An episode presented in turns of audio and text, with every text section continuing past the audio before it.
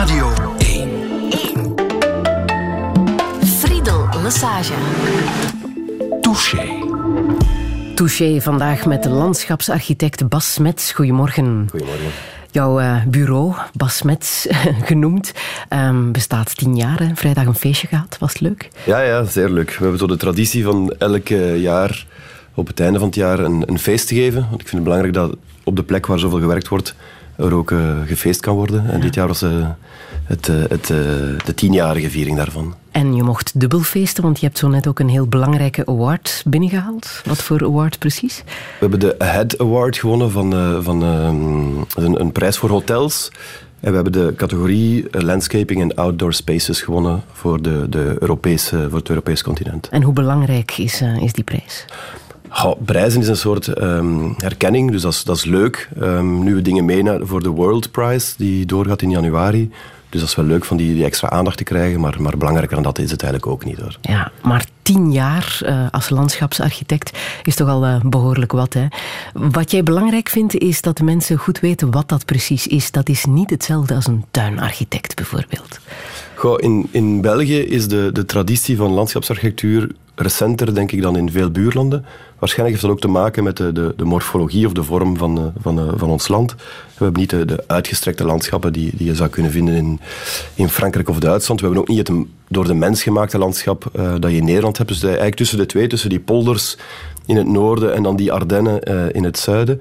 En ik denk dat we daarom niet die, die traditie hebben van eigenlijk het, het territorium of de, de, het grotere gebieden te gaan, te gaan denken als een landschap.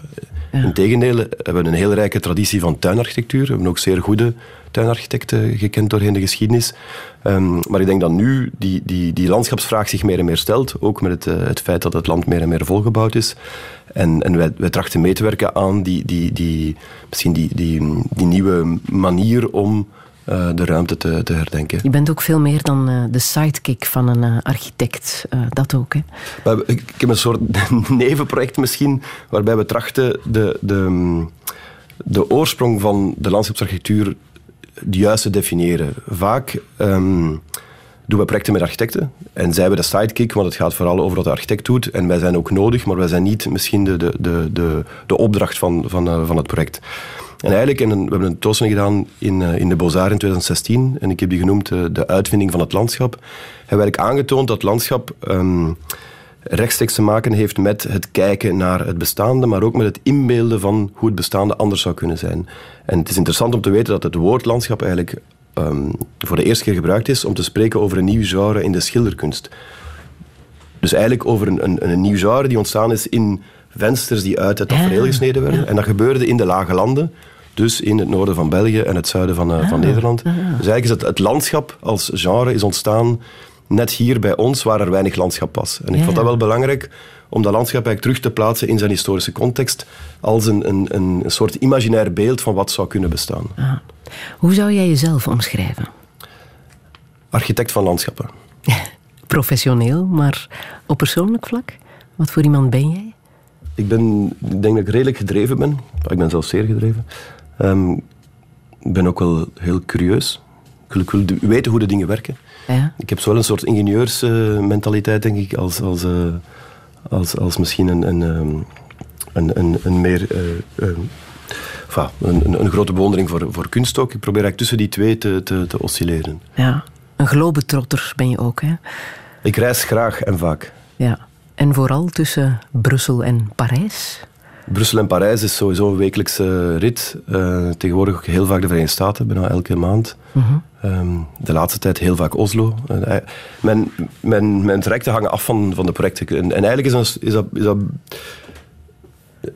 Eigenlijk is het interessant dat, dat, dat, dat, je bewegingen beslist worden door de projecten en niet door waar je zelf naartoe wilt gaan. Daar gaan we het straks nog uitgebreid over hebben. Hè? Een uh, man met broze botten ook, uh, las ik. Ja, jij vroeg naar mijn littekens. ik heb niet veel littekens, maar ik heb, wel, ik heb wel veel dingen gebroken in mijn leven. Van mezelf dan. Ja? Maar echt broze botten? Ja, ik weet niet hoe het komt, maar ik heb toch al tien keer of zoiets gebroken. Ja, je ziet er nu nogthans heel erg uh, heel uit. Het is een tijdje geleden. Ik ben, ik ben het ook gewend. Hè. Als ik iets breek, is oké, okay, dan gaan we er even, even door in de plaaster. Bas Mets, welkom in Touché. Radio 1. 1. Lesage. Touché.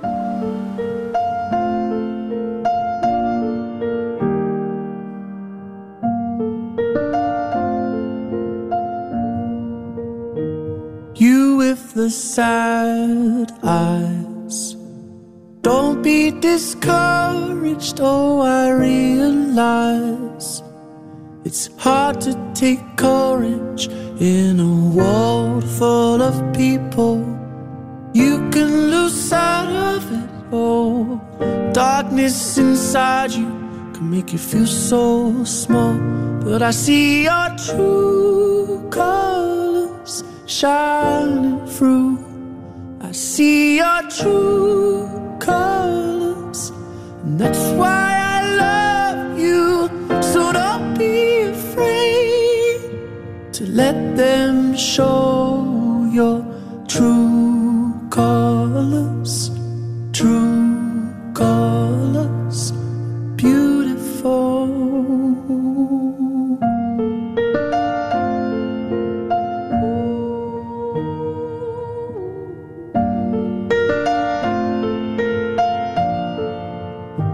Show me a smile then. Don't be unhappy, can't remember when I last saw you laughing.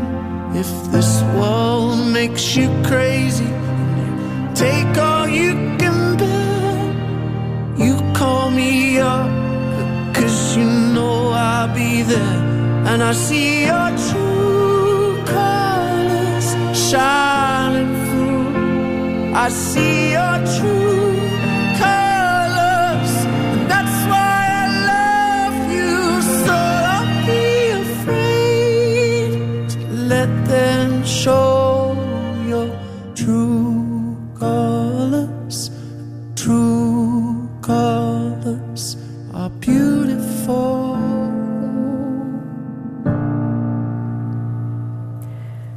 True Colors, het eh, nummer van Cindy Lauper hier in de versie van Tom O'Dell, wordt zachtjes geneuried door het hoofdpersonage in Utoya, de zeer eh, beklijvende film van ex-oorlogsfotograaf Erik Poppe, die sinds vorige week in de zalen te zien is. Het is een eh, zeer realistische weergave van wat er zich heeft afgespeeld tijdens de 72 minuten dat Anders Breivik gewapend door het zomerkamp liep en daar 69 mensen doodde en nog veel meer mensen verwonden. Uh, Bas Mets, je hebt die film gezien, hè? Ja. Wat heeft jou het meest geraakt in, uh, in die film? Het is, het, is, het is zeer beklijvend omdat je eigenlijk meeloopt met die kinderen weg van het gevaar. En het feit dat je eigenlijk de, de terrorist nooit, uh, nooit ziet, maakt het eigenlijk nog meer bevreemdend, want je loopt weg van iets dat je niet weet wat het, uh, wat het is. En, en er, zijn, er zijn beelden bij die, die, die, ja, die, die zo pakkend zijn. Voor mij was het een, het, het, het eindbeeld waarbij je zag dat toen de, toen de, de de rescuers al ter plaatse waren en op zoek waren naar nog, nog levende kinderen om die naar het ziekenhuis te brengen, dat je al die gsm's hoorde rinkelen op die, die dode lichamen van die kinderen. Dat vond ik een vreselijk beeld. Ja, ik laat het horen, omdat uh, jij bent gevraagd om een memoriaal te maken voor uh, de slachtoffers van uh, Utoya. Ja. Hoe begin je aan zoiets? Nu, hier... dus de, de, de, de, geschiedenis van is redelijk moeilijk, omdat er eigenlijk eerst al een ontwerp gekozen was. Dat is dan stopgezet geweest omwille van, van, uh, van klachten van de, de, de, de, de bewoners. Wat niet onbelangrijk is natuurlijk, hè? want er was inderdaad een voorstel van een Zweedse kunstenaar die een soort dwarssnede zou maken, een ingreep in, in de natuur. Ja. Maar daar voelden de nabestaanden zich, uh, zich niet goed bij. Hè? Nee, en ook de bewoners zelf die, die, die in de buurt wonen, um, hebben daar uh, klachten tegen, tegen ingebracht. Nu, wij hebben ons samengezet met een team uit Noorwegen, En als een dubbel team hebben wij gezegd van kijk, wij, wij wensen in de eerste plaats te gaan spreken met alle betrokkenen en te gaan kijken hoe we um, zo goed mogelijk hier een, een, een monument, een, een memoriaal voor kunnen maken. En dan ga je praten? Dan ga je praten met zowel de, de, de, de namenstaanden, met, met de organisatie zelf, AUF. Um, je, gaat, je gaat praten met de bewoners zelf ook. Je gaat uh, proberen zoveel mogelijk te zien wat er leeft en wat de, wat de verwachtingen zijn van de verschillende partijen. Ja. Je bent nu al bezig met, uh, met die gesprekken? Ja, we zijn er nu mee bezig. En wat uh, valt jou het meeste op? Wat raakt jou het meest? Wat mij eigenlijk het, het meeste geraakt heeft, en ik had dat niet helemaal begrepen, is dat voor AUF, dat is de, de, de jeugdpartij is van, de, van de, de, de Labour-partij, dat zij dat echt zien als een aanslag op hun op hun, op hun, op hun denken. En ze zien dat echt als een politieke uh, aanslag op al hetgeen waar zij voor staan. En niet als een zoveelste terroristische aanslag. En, en, en dat vond ik wel heel belangrijk, van dat, van dat heel juist te begrijpen. En, en ook een frustratie dat dat voor hen niet genoeg um, duidelijk is. Dat dat echt een, een, een aanslag is op een, een manier om na te denken over de maatschappij. Mm -hmm. Ik vermoed dat je zelf al op Utoya bent geweest ondertussen. Ja, al vaak. Ja. En hoe voelt dat om daar nu rond te lopen, zoveel jaren na die vreselijke feiten? Ja, je, je, kijk, we, hebben, we hebben zo één tour gedaan met een, eh, met een van de, de, de, de slachtoffers, van een van de, de personen die, die, die daar toen was. En wat zeer beklijvend was, is dat hij een verhaal vertelt. Je zag dat het al een soort ingestudeerd verhaal was, want je kan natuurlijk niet elke keer opnieuw dat moment beleven. En dat het eigenlijk heel spatiaal was. Dus we gingen, we gingen daar zijn van hier gebeurde dit. Nog ja. een soort pauze, we gingen naar daar. Dus hier gebeurde dit. En eigenlijk de ruimte bracht de, de herinnering terug. En dat vond ja. ik eigenlijk heel, heel sterk hoe dat... Alsof dat je het terugbeleefde met haar, want je voelt dat tussen die twee plekken door was ze waarschijnlijk aan het lopen zonder veel nadenken. En dus die tuss, dus een soort onderbreking tussen de plekken die iets betekenen. En dat was, ja. was eigenlijk heel, uh, heel, heel sterk... Uh, want het ziet eruit als een idyllisch eiland, een beetje moeilijk bereikbaar. Er is maar één pontje, één overzetboot, want het was ook heel moeilijk bereikbaar op het moment van de aanslag zelf. Hè? Ja, het is, een, het is een eiland dat eigenlijk al, al doorheen de geschiedenis altijd gediend heeft als een plek waar politici zich terugtrokken om na te denken over de maatschappij. Dus het heeft eigenlijk een hele rijke geschiedenis van een soort, uh, soort oor te zijn, vlakbij Oslo, uiteindelijk maar een uur rijden, maar waar nagedacht wordt over de, de maatschappij en, en hoe haar te organiseren. Ja. Heb je al een idee van wat het memoriaal gaat worden? Ja. Mogen we dat al weten? Nee. nee? Nee, het ligt allemaal heel, heel gevoelig uh, in Noorwegen. Um, dus de, de, de, er wordt eigenlijk een heel, heel goed proces uh, uh, op gang gezet, waarbij in een, in een soort Noors model bijna, hè, met, met iedereen gesproken wordt, iedereen betrokken wordt. geen, geen lekken in de, in de pers. Ja. en dus een, eenmaal dat we eigenlijk het akkoord hebben van al die partijen, zal er een zal het, het project voor het eerste keer getoond worden. Ja. En wanneer moet het af zijn?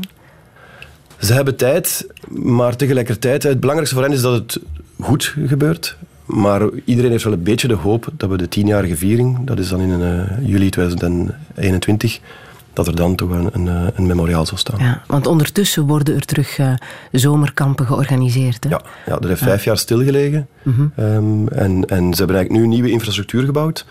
En, en, en zomerkampen en andere kampen worden terug georganiseerd. Ja. Voor mensen die willen weten hoe het ongeveer moet zijn uh, geweest op dat moment. Die film Utoya is toch wel... Uh, het is ook... Uh, het, het, het, lukt om naar te kijken. Ik was er bang voor. Van wil ik dit wel zien? Maar vreemd genoeg kan je er best wel naar kijken. Ja, maar net omdat denk ik de, de, de, de terrorist zelf niet getoond wordt. Je, je, je bent eigenlijk heel tijd met die kinderen mee aan het lopen. Ja. Um, je hoort de geluiden, je voelt de spanning. Ja. En de natuur die heel sterk aanwezig is. Hè? Ja, en dat voel je, dat voel je heel hard ter plaatse. Die, die, die, het is een zeer mooie natuur. De eerste keer toen ik het bezocht was in april dit jaar. En alles lag nog onder sneeuw en ijs. En, en ook het feit dat het een eiland is, maakt het zo bijzonder. Mm. Het deed me denken ja. aan Welbeck, La Possibilité du Nil.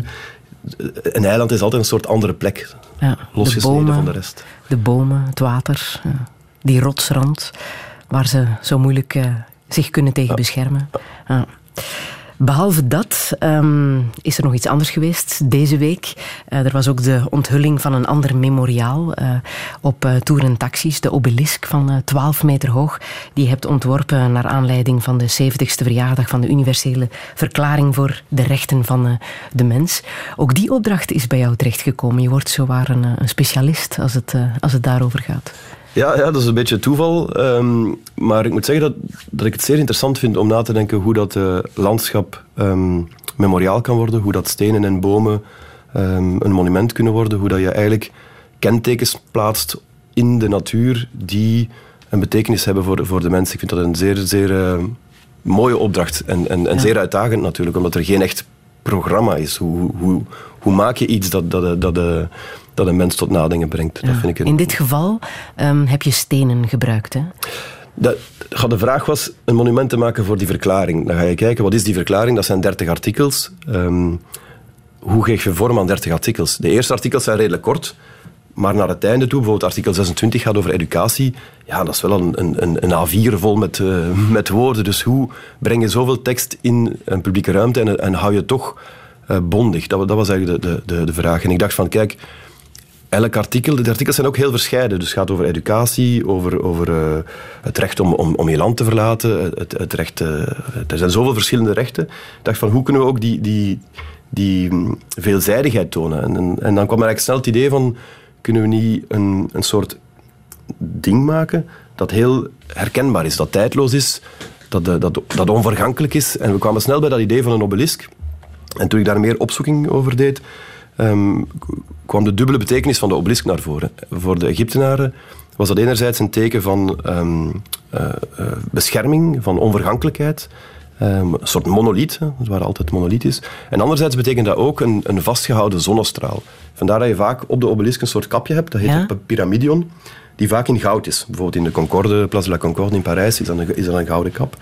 En, en ik dacht, kunnen niet die dertig artikels zien als een verlicht idee dat beschermd wordt in die vorm van de obelisk. Dus op die manier hebben we eigenlijk die obelisk herdacht als een opeenstapeling van 30 artikels, dus niet monolithisch, maar wel 30 blokken uh, steen, allemaal uit verschillende groeves. En, en, we beginnen dan eigenlijk bij de donkerste steen op deze aarde, zijn de, op de aarde, aarde zijn de Denero de Zimbabwe, een heel zwarte steen, dat is de basis. Dan 30 artikels die van donker naar licht gaan, de aspiratie van de mens naar een hoger uh, goed, hopen we dan. En we eindigen met die pyramidion, dat één massief blok is in uh, Bianco de Brazil. En we passeren langs twee Belgische stenen, langs, langs uh, Noorwegen, IJsland, Thailand, Australië, Finland, en daar rond heb je ook acht bomen geplant. Ja, om, de, om die obelisk een soort van intimiteit te geven. Want we hebben die op de top van een heuvel geplaatst, zoals je uh, altijd doet met een obelisk, op een hoger punt. We hebben daar acht dennen rond geplaatst, grove dennen. Waarom dennen? Omdat natuurlijk de viering is op 10 december. Dus moet je wel een boom hebben die er op 10 december op zijn best uitziet. En dat zijn niet de loofbomen, maar dat zijn natuurlijk wel de, de, de dennenbomen. Ja, die gaan groeien. Die gaan groeien. Ze zijn al redelijk groot. We zijn geplant op 8 meter hoogte. Ja. Maar ik kijk er naar uit binnen 10, 20 jaar dat die eigenlijk over de obelisk gaan, gaan, uh, gaan groeien. En een soort bladerdek gaan vormen en een soort ander licht gaan creëren, gefilterd door die dennen, waaronder dan die obelisk staat. Hielp het dat jij dat park zeer goed kent? Want je hebt het zelf aangelegd, dat park van uh, Tour en Taxis. Ja, ja, ik wist natuurlijk wel waar, waar die obelisk moest komen. Uh, we zijn er al bijna acht jaar mee bezig met het park van Tour en Taxis. En ik vond ook uh, een, een, een, een interessante de gedachte om die obelisk in een nieuw park te plaatsen dat eigenlijk nog niet af is. De park is, we zijn er nog altijd aan bezig. Er zijn, er zijn nog altijd constructies rondom. Dat gaat nog zeker tien jaar duren. En, en, dat was eigenlijk een idee van Céline Frémaux, van de minister van Leefmilieu uh, van Brussels gewest. Die zei van ja, we gaan dat niet plaatsen in La Cambre, want dat is te evident. Dat park werkt al, dat heeft dat niet nodig. We gaan, we gaan dat plaatsen in het park van Tour en Taxi. En op die manier een, een stedelijk park terugzien als een plek van recreatie, maar ook van reflectie. Het is inderdaad wel een fantastisch park. Hè? Het is een kunstwerk ook. Heb je het zo bedacht? Nee, ik heb het echt bedacht als een stuk landschap. Omdat de, de, de, de het park, wat nu, wat nu het park wordt, was de vroegere uh, toegang van al die treinen mm um, die via de geul van Bokstaal uh, naar de Gare Maritime, naar de Entrepot, naar de Chets, naar die, naar die zeer mooie gebouwen gingen. Al die goederen kwamen daartoe voordat die dan um, uh, door de douane gingen en verdeeld werden in Brussel. En dus eigenlijk is het een soort technische geul, gemaakt voor, voor treinen, volledig vlak, zodat de treinen niet, niet naar beneden of naar boven bollen, of ja, naar beneden dan. Um, en, en, eigenlijk was het eigenlijk een, een, een, al het landschap was weg, want ze hadden een, een, een, laag ballast gelegd waar al die, die, uh, die treinsporen moesten komen. En dus onze vraag was van hoe, hoe transformeer je een, een, een rangeerstation, bij wijze van spreken, naar een landschap. En eigenlijk ons gebaseerd op een studie die we gemaakt hadden over um, het water in Brussel, waarbij je zag dat eigenlijk al die zijrivieren heel belangrijk zijn voor de stad. Hè. De Molenbeek, de Maalbeek, de Neerpedebeek, de Sint-Geleidsbeek. Er zijn eigenlijk acht beken die het water brengen naar het laagste punt, zijn de zennen die je niet meer ziet. Dus eigenlijk hebben we het park ontworpen als een beekvallei van de, de Molenbeek. Het is een prachtige plek en met die obelisk erbij absoluut een must om eens uh, langs te lopen.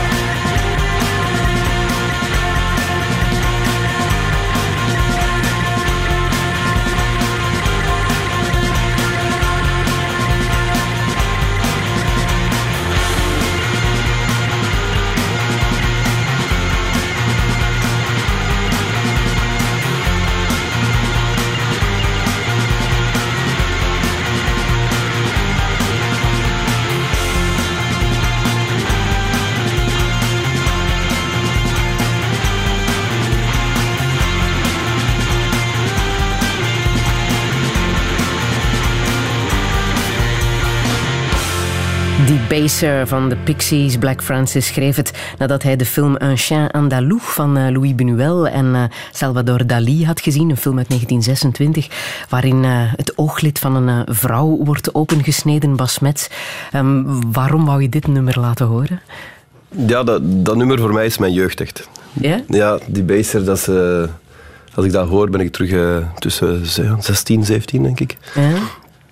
Op een of andere rare manier was het ook een beetje mijn bijnaam geworden. Er zit natuurlijk Bas in die baser.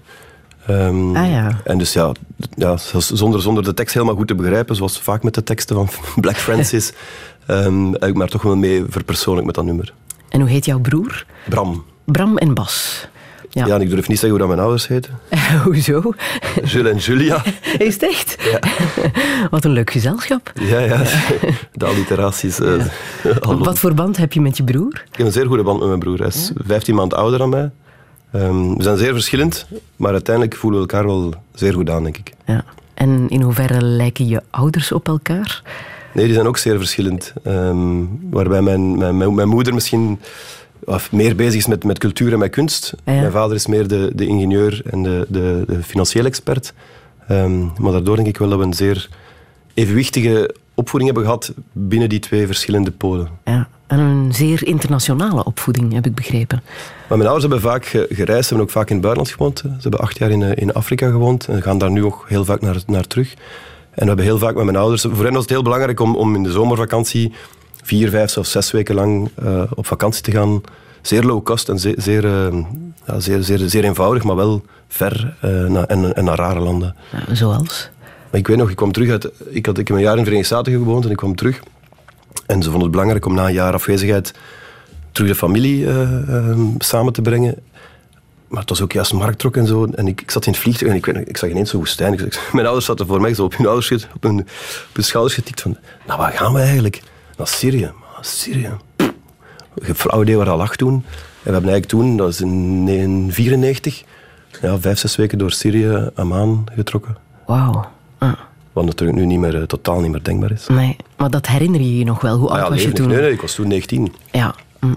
En dat hebben jullie ook altijd gedaan, dat soort reizen? Dat ja, we zijn ook naar, naar Jemen geweest, wat ook vandaag ook niet meer denkbaar is. We zijn de, de Hadramaut-woestijn doorgetrokken om die, die legendarische steden te zien. Shibam, Um, die, uh, waarbij, waarbij je uh, wolkenkrabbers hebt opgetrokken in, in, uh, in, in, in Adobe.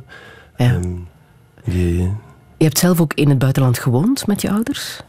Ik heb een, ja, in een soort, er is een soort verschil tussen wat ik denk en wat er echt gebeurt is, heb ik onlangs gemerkt. Um, maar ik heb een, een, een, aantal jaren nog gewoond in Algerije in mijn hoofd heb ik nog lang in Congo gewoond, maar blijkbaar uh, was dat vooral in mijn hoofd. Maar mijn ouders hebben daar zelf wel gewoond in, uh, in Zaire. Ah, ja, ja. En misschien door hun verhalen heb je ja, ja, dat je voilà. daar als kind uh, ook hebt rondgelopen, maar dat is niet het geval. Maar je ouders hebben wel acht jaar lang in, in Congo gewerkt en gewoond. Ja, Wat deed jouw vader daartoe? Maar in, in, in die tijd kon je kiezen tussen je legerdienst doen of een burgerdienst doen. En hij heeft eigenlijk als burgerdienst gedaan in, in, in Zaire. En wat precies? Hij werkte mee aan de aanleg van de treinen, um, toen nog voor uh, tractionellen. Mm -hmm. Was jij een dromer als kind? Ja, dat denk ik wel. Huh?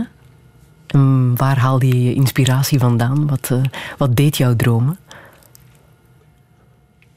Goh, ja, ik, ik, kon eigenlijk heel gemakkelijk gewoon in de zetel gaan liggen naar buiten staren. Ik weet nog, daar stond een, een, een, een, een, een grote zilverberg en ik kon er eigenlijk gewoon, gewoon naar die boom kijken en, en, en wegdromen zijn. Niet, niet, niet specifiek, maar gewoon ja, in een soort van, bijna een soort van meditatieve staat geraken door alleen maar naar die boom te kijken. Ja. Boeken, hielpen die ook om uh, weg te dromen? Ik heb heel veel gelezen toen ik klein was. Mm -hmm. Van, van jongs af aan. Wat voor boeken las je? Ja, alle Roald Daals, maar ook Tonke Dracht. Als ik, er, als ik twee jeugdboeken moet zeggen, dan zou dat zijn Brief voor de Koning en uh, De Geheimen van het Wilde Woud.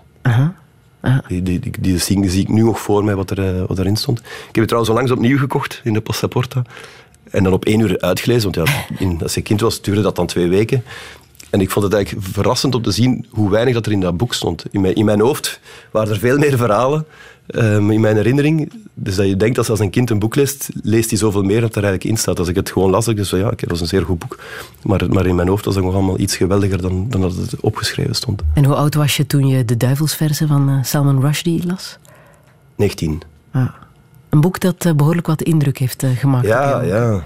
Dat was... Um, ik zou het eens opnieuw moeten lezen. Ik heb het nog niet gedaan. Ik heb het nog niet, nog niet gewild. Het ligt, ligt, eigenlijk, het ligt vaak naast mijn bed.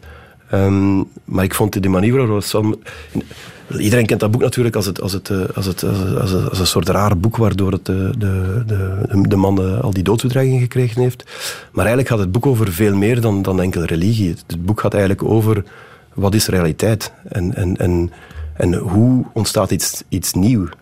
Het gaat heel vaak over newness. How does newness come into this world? Hoe, hoe, ontstaat een idee?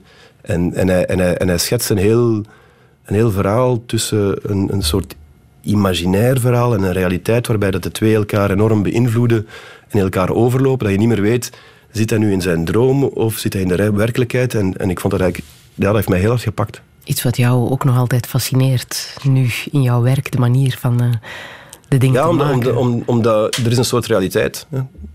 En er is een soort um, interpretatie van de realiteit. En, en, en in mijn werk natuurlijk proberen wij die realiteit te begrijpen, om dan daarop in te spelen en die realiteit te veranderen. Maar je zit eigenlijk heel tussen het beeld van iets en wat het ding is.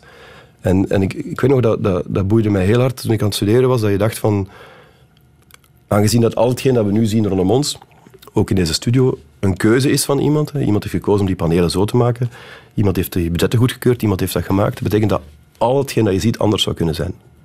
Want niets was hier. En als je dat begint te beseffen als je door een stad loopt, ja, kan die gevel anders zijn, kan die straat daar niet zijn, kan die, die, kan die boom weg zijn. Dan kan je eigenlijk zien hoe dat alles maar een soort um, tijdelijke realiteit is die het gevolg is van zoveel beslissingen die samen genomen zijn. Maar op die manier wordt alles heel wankel, want dan is er eigenlijk geen... Alles is veel minder standvastig en opeens kan je zien hoe je daar... Proberen te zien hoe je daarin kan hacken bijna, in dat systeem, om die verandering te brengen. En daarin zit, zit, zit droom of perceptie en realiteit heel, heel dicht op elkaar. Wist jij op je achttiende wat je wou worden? Nee, absoluut niet. Ik, was, ik, was, ik ben een jaar naar de Verenigde Staten geweest in de tijd uh, met AFS, zo'n zo Uitwisselings, uh, uitwisselingsprogramma. En toen, ja, we hadden nog geen internet, um, we hadden geen fax. Dus dat, ik heb toen één keer met mijn ouders gebeld, denk ik, voor mijn verjaardag. Of misschien voor die van hun verjaardag, ik weet het zelfs niet meer. Toen was je echt wel weg. En ik schreef toen ook nog met mijn beste vrienden. En dat was, als je een brief schreef, we hadden dat uitgerekend, kreeg je een antwoord drie weken later. En dan was je aan, aan het denken van, ah, misschien vandaag of morgen moet er wel iets in de bus liggen. Wat niet meer denkbaar is vandaag natuurlijk. En waar zat je precies? ik zat in Portland in Oregon, in de westkust van de Verenigde Staten, tussen uh, Washington State en, en Californië. En, en daar heb ik echt wel voor de eerste keer ook het, het, de grote natuur leren kennen. De, de 80% van die staat is beschermd. Um, je hebt daar bergen, je hebt daar van Mount Hood, maar je hebt daar ook Crater Lake. Het is echt een fantastische staat. En, en met mijn familie gingen we vaak trekken. We gingen ook jagen. Um, waarbij je dan drie weken lang in een tent uh, woonde en, en, uh, en, en sluipend door de natuur kroop om, om een hert te, te, vinden. Nu, ik heb er nooit in, in, geschoten, maar, maar het avontuur zelf was wel indrukwekkend om, om ook die tekenen van de natuur te, te, te aan te leren. Um, maar toen ik terugkwam, ja, had ik wel een beetje het gevoel dat ik een jaar verloren was, of dat, dat lijkt dan zo. En ik wist niet goed wat ik zou moeten doen. Dus ik, ik toen eigenlijk... Kon, vreemd genoeg wou ik niks doen dat te reëel was. Dus voor mij was het ofwel filosofie ofwel wiskunde. Um, en ik ben toen begonnen met zuivere wiskunde. Maar na drie, vier weken had ik zoiets van, ja, dit is echt niet... Dit is, dit is, ja, ik voelde me gewoon... Dat was te abstract. En, en, en ook al die mensen rondom mij, ik, voelde daar geen verwantschap mee. Dus was toen wel even paniek. Uh, ik, had, ik had dan al een jaar verloren, dan nu nog eens een jaar verliezen. Um, en toen, dat was wel een, een heel fijn moment, ben ik met een, een heel aantal um, professoren gaan spreken. Um, meestal vrienden van mijn ouders of vrienden van vrienden. Um, ja, Zo'n aantal weken lang ging ik elke avond eten bij, bij iemand thuis die dan over zijn beroep vertelde. Dat was, dat was eigenlijk zeer tof. En, en, ik, en ik ben toen in aanraking gekomen met Marcel Smets, die me eigenlijk op twee uur tijd, ik herinner me nog, overtuigd heeft dat ik stedenbouwkundige zou willen worden. Hij zag dat in jou? Nee, hij vertelde over zijn vak en ik was En jij wist, ja. dat is iets voor mij. En, maar, maar, ik moest dan ook door mijn ingangsexamen gaan van burgerlijk architect, want voor je stedenbouw doet, moet je eerst architect worden. Dus ik heb eigenlijk vijf jaar architectuur gedaan, waarbij ik mij vooral uh, geconcentreerd heb op de buitenruimte. Dat interesseerde mij meer dan het gebouw zelf. Um, en ik ben dan, ben dan, ook een doctoraat begonnen bij Marcel Smets. Dat heette Landscape Urbanism. Uh, hoe kan je stedenbouw doen, gedacht vanuit het landschap. Maar ook daarna, na een jaar, zei ik tegen hem van ja, ik weet niet genoeg wat landschap is. Uh, om daar nu veelzinnige, veelzinnige dingen over te zeggen. En hij werkte toen met Michel de Vigne. Een bekende, of toen een, een, opkomende Franse landschapsarchitect met wie hij samengewerkt heeft ook in Leuven eh, voor de stationsomgeving. En zo heb ik een stage kunnen gaan doen bij Michel de Vigne in Parijs. Die ging zes maanden duren. En na zes maanden heb ik Marcel opgebeld. Ik heb hem gezegd van kijk, eh, ik ga, die, ik ga die, dat doctoraat niet meer doen. Ik ga, ik ga, ik ga landschap doen. Ik ga, ik ga hier blijven werken. En hij zei me nog van ja, maar je mag terugkomen wanneer je wilt. Ik zei ja, maar ik weet het nu al. Dat ga, ik, ga dat, ik ga dat niet meer doen. En hoe lang heb je uiteindelijk bij de Vigne gewerkt? Zes jaar. Ah. En ondertussen is dat een zeer grote meneer geworden. Ja, absoluut. absoluut. Ik heb er ook heel veel van geleerd. Um, hij heeft mij toen ook aangespoord van landschapsstudies te doen. Dus ik heb op een bepaald moment zowel bij hem gewerkt als in Genève uh, landschapsstudies gedaan. Uh, waardoor ik ook het ja. diploma heb van landschapsarchitect. En ik heb, ik heb ja, inderdaad zeer veel van hem, uh, van hem geleerd.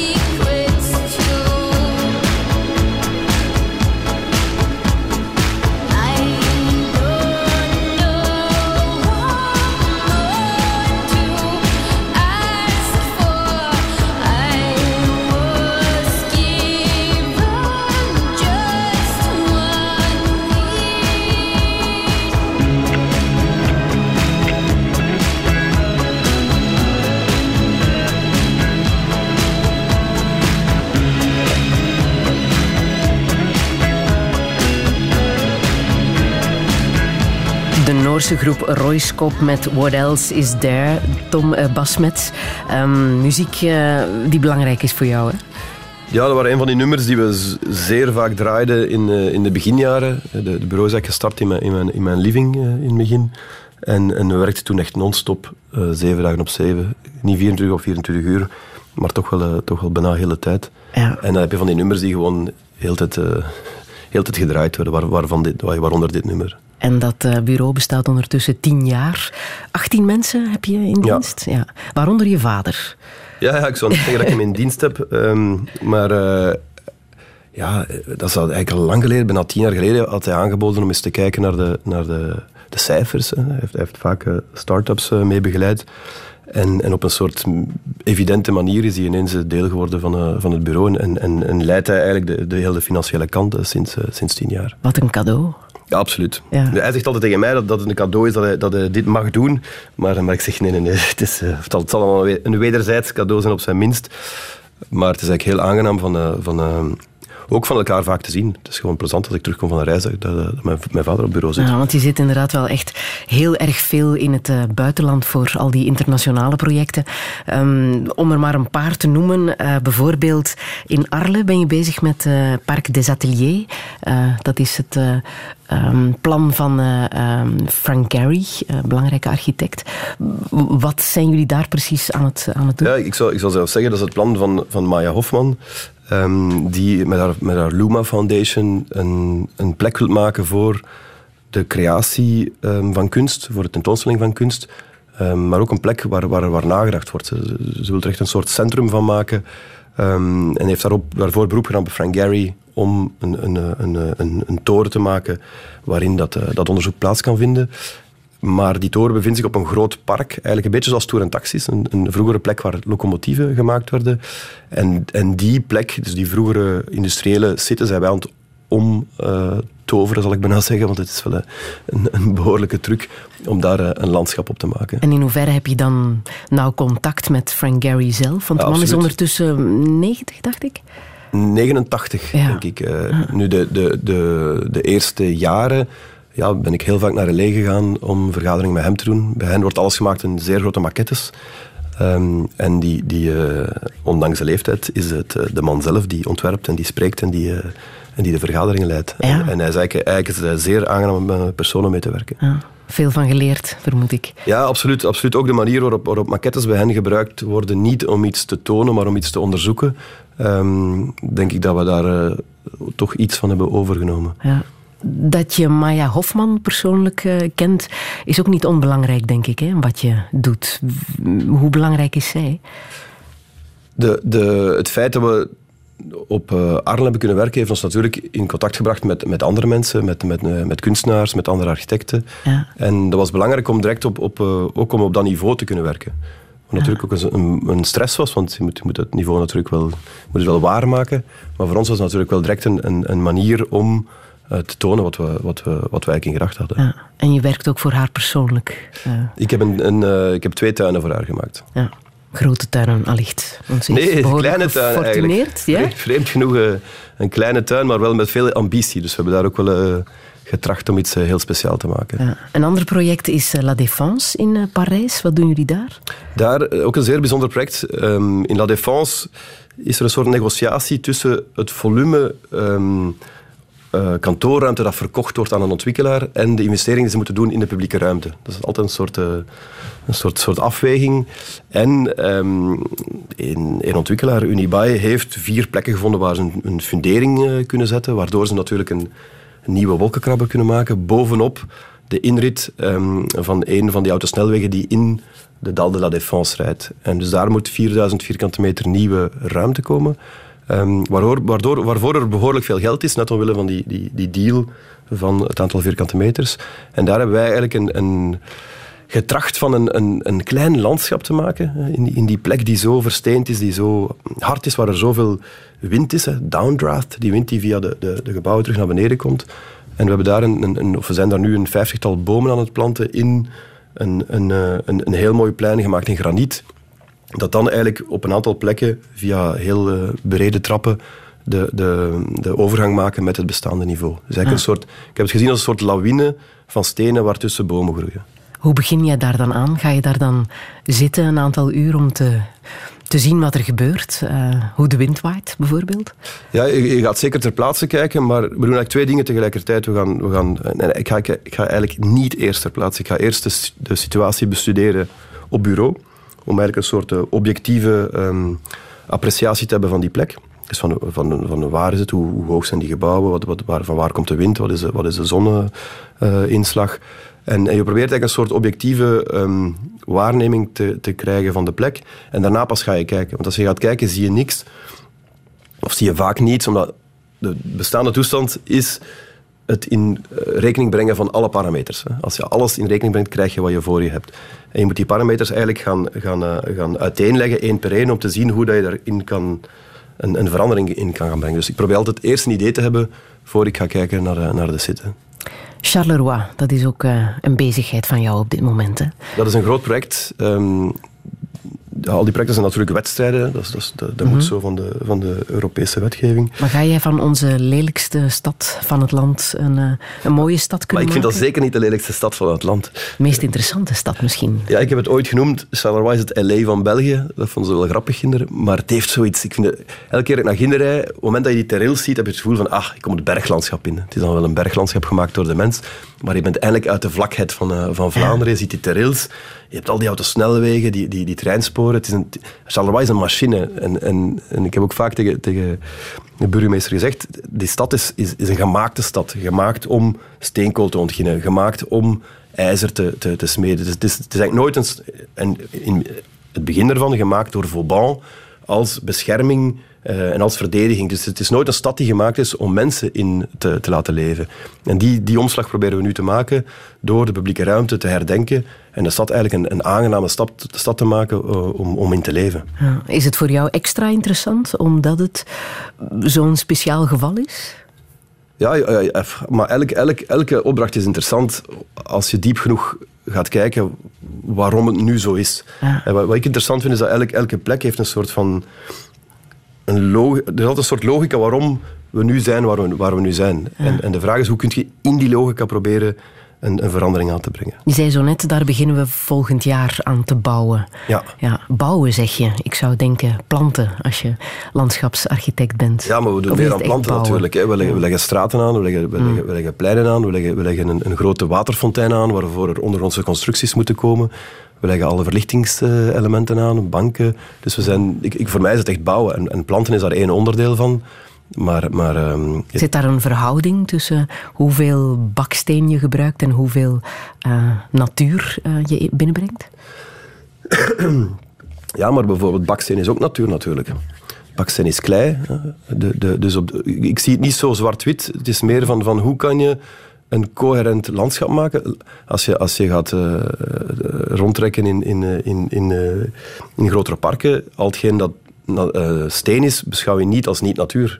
De rotsen zijn ook natuur. Dus op, op, op dat moment dat je, dat, je, dat je verharding aanbrengt, proberen wij dat te zien als deel van een groter natuurlijk geheel. Hoeveel pijn deed het dat je de site rond de Citroën Garage in Brussel niet hebt kunnen binnenhalen? De plek rond het uh, Kanaal, het uh, Pompidou Museum in, ah, in Brussel? You win some, you lose some. Hè. Dat, is, dat, is, uh, dat, is, dat is deel van het spel. Dat, dat, dat, was niet leuk. Ook omdat we, dat zat ik vlak bij ons vorige bureau, bij de, de Vlaamse Steenweg. Mm -hmm. Nu, dat is pijnlijker voor de architecten, want, want dat is voor hen een, een, een grotere opdracht dan voor ons. Maar we hadden wel een heel fijn idee met een soort microklimaat uh, onder die, die sheds van, uh, van Citroën. Want ook dat is een interessante plek, hè, aan het water. En ja. nu een beetje ja. ja. een ongebruikte plek. Maar we zijn nu bezig samen met, uh, met ORG van Alexander Dogen met het beeldkwaliteitplan voor het kanaal. We zijn dat eigenlijk nu aan het afronden. Dus we hebben eigenlijk die 14,5 kilometer kanaal doorheen het Brussels gewest volledig ontleed. En gekeken hoe dat we daar een, een, een coherente visie voor kunnen, kunnen ontwikkelen.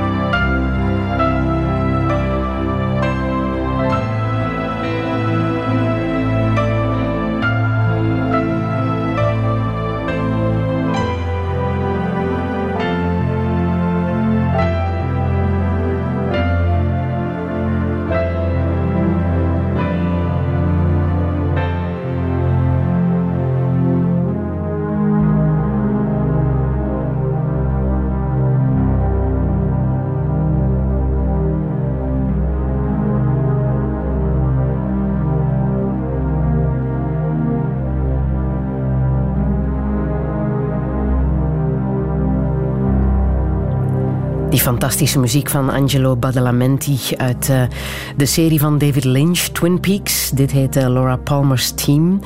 Je bent een uh, grote fan van David Lynch, Bas Metz. Ja, absoluut. absoluut. Ik denk, denk dat hij, ja, voor, voor zoveel redenen, maar ik denk dat hij ook zeker met Twin Peaks erin slaagt om het landschap een personage te laten zijn. De, de, de, als je die muziek hoort, als je de, de, de, de wind voelt waaien door, door, uh, door de sycamore trees, als, zoals hij zegt, ja, dan, dan, dan, dan voel je dat in, in heel Twin Peaks het landschap zelf een soort van personage wordt. Ja. Je bent er ook geweest, hè, op die plekken waar hij heeft gefilmd. Ja, ik heb, ik heb een aantal jaar geleden een, een, uh, een lezingreeks gedaan langs de westkust. Dus ik ben eigenlijk een, een ik heb er toen negen lezingen gedaan op drie weken tijd, van, van, van LA tot, tot Vancouver. En dan, de, de, op een bepaald moment is mijn, is vriendin een, een week langsgekomen. En we zegt, we gaan alle, alle sets van Twin Peaks gaan bezoeken in Snow Call Me. En ook vandaag zit daar nog heel die, die, die sfeer, die, die mysterieusheid zit, zit daar eigenlijk echt eh, in, in, in die plek. Die uiteindelijk niet zo ver was van waar ik woonde. Ehm, toen ik 18 was, uh, op twee uur rijden van, uh, van, van Portland. Is dat iets wat jij doet als je aan het reizen bent? Uh, op zoek gaan naar landschapsarchitectuur, plekken waar echt is nagedacht over hoe de dingen samen beter kunnen zijn? Ja, als er, als er, als er, als er een ontwerp is van, van bijvoorbeeld, ga ik het zeker gaan bezoeken. Ofwel dat, ik, ik, ga ook in elke stad dat ik ga, ga ik ook wel de botanische tuin bezoeken. Ja. Gewoon om te zien wat er, eh, wat er, wat er groeit en wat er, welk onderzoek er gebeurd is. Wat is de mooiste die je tot nog toe hebt gezien?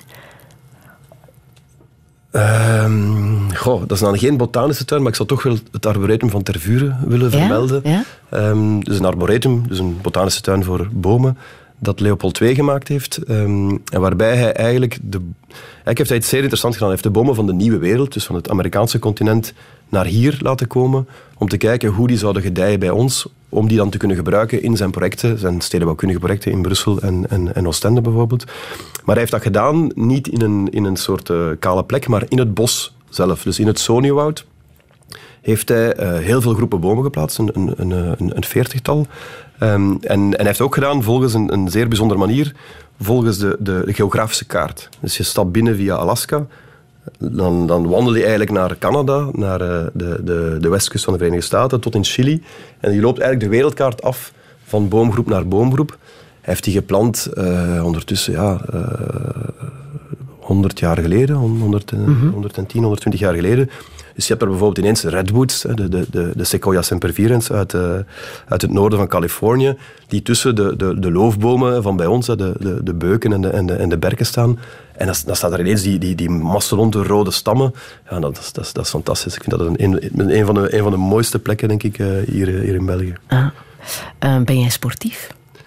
Ja, dat, dat, dat wil ik toch denken van mezelf. Hoe ver gaat dat? Ja, dus nu, nu is, dat, is dat eigenlijk... Ik doe eigenlijk graag sporten die zeer intens zijn, waardoor je al de rest uh, even kunt vergeten. En op dit moment is dat, is dat vooral um, kitesurfen en, en lopen. Dat is eigenlijk, lopen is dan iets gemakkelijker natuurlijk. Je hebt alleen maar schoenen nodig. Dat is fijn als je op reis gaat, steek je gewoon twee schoenen in je valies en je kan overal uh, uh, je 10 kilometer gaan, gaan lopen. En kiten, ja, dat is als, als, vaak als ik in Arles ben en het komt uit, of in Zeebruggen als, de, als het weer goed genoeg is en de wind goed genoeg is, dan ga ik wel graag het water op. Ja. Um, parachutespringen heb je ook gedaan, dacht ik. Hè? Ja, absoluut. Ik heb een uh, 150-tal sprongen gedaan. Um, dat is eigenlijk, ja, dat is eigenlijk toevallig begonnen. Ik had dat nooit als droom of zo. Um, maar dat is eigenlijk een, ook een, ja, een heel bijzondere sport. Je, je, je hebt een heel grote dosis zelfvertrouwen nodig om, om uiteindelijk uh, met die rugzak aan uh, uit, uit dat vliegtuig ja. te springen. Zelfcontrole en ook, ook een, een, een soort um, organisatie. En dat heeft me echt wel geleerd van, van te temporiseren in je stress. Om het simpel te zeggen, op het moment dat je uit je, vliegtuig springt, denk je niet na of die parachute gaat opengaan. Want dat is pas binnen een minuut. Denk je wel na over, wat je gaat doen duur, gedurende die minuut. Want normaal spring je met een aantal andere mensen en ga je iets proberen te doen, een soort figuur. Of, of, en dat gaat zeer snel. En omdat je denken anders is tegen die snelheid, moet je echt zeer geconcentreerd blijven. Op het moment dat je de parachute opendrengt, open uh, trekt, denk je niet na hoe dat je gaat landen. Want dat is pas binnen zes minuten. Moet je vooral zien dat die parachute goed open gaat, dat alles in orde is. Je hebt een soort verificaties die je moet doen. En dan, als je aan het landen bent, ja, denk je niet na over wat er daarna gaat gebeuren. Dus je leert echt de, de stress en de, de, het risico per etappe te, te beheersen. En je moet dan ook nog genieten van het, uh, van het zicht. Hè? Ja, maar het is echt fenomenaal. Als landschapsarchitect kan ik het mij voorstellen dat je daarvan geniet. Ja, maar het is, het is meer dan dat. Het is gewoon uw voorwegen in een ander medium is gewoon zo'n aangename, ja, zo'n euforische beleving. Basmets, ik wil nog uh, uh, Bach laten horen. Um, de Goldberg-variaties. Uh, Juliette Binoche speelde het ook op die piano in De Ruïne. in de film The English Patient. Een, film die bij jou heel erg is blijven hangen. Hè? Waarom precies? Ja, misschien om dezelfde redenen als die Salman Rushdie. Um, gevoel van, van tussen droom en realiteit. Tussen, wat ik ook heel mooi vond, was dat uiteindelijk Ralph Fiennes lag op zijn, zijn sterfbed. Um, en, maar maar hoe, dat, hoe dat zijn herinnering eigenlijk samenging met heel de historische gebeurtenissen. Dat je eigenlijk een soort verhaal krijgt dat heel persoonlijk is, maar ook heel universeel is. Ik vond dat dat heel mooi gedaan was. En een laatste ding is dat het landschap... De, de camera gaat over het, het, het, de lakens van zijn bed en wordt dan ineens een woestijn. Fantastisch mooi gedaan.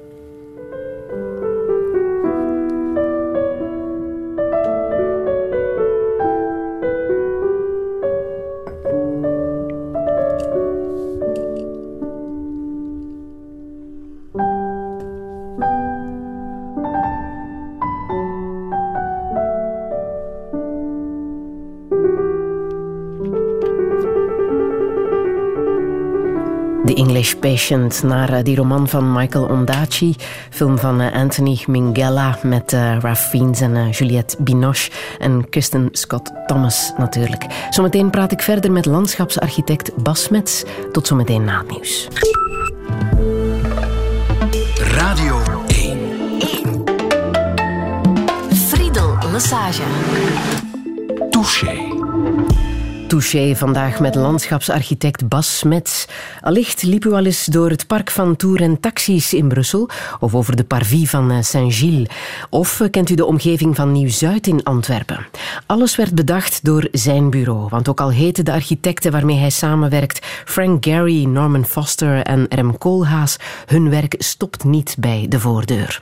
Het liefst bekijkt hij alles vanuit de lucht als parachutist of kitesurfer. Zijn wereldse opvoeding kreeg hij mee van zijn ouders, voor wie België te klein was. Maar hoe moet het verder? Zal de natuur de mens overleven? Wat is het belang van een boom? En hoe kan een ruimtelijk kunstwerk troost bieden na de aanslagen in Brussel of de gruweldaad op Utoya? Dit is Touché met Bas Mets. Een zeer goede middag.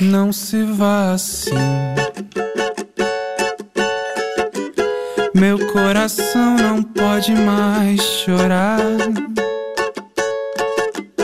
E a solidão já não quer me deixar.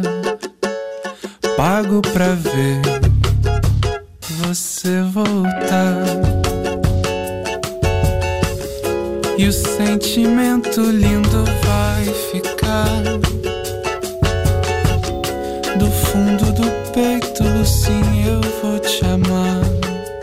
Vou te escrever. Você vai ver.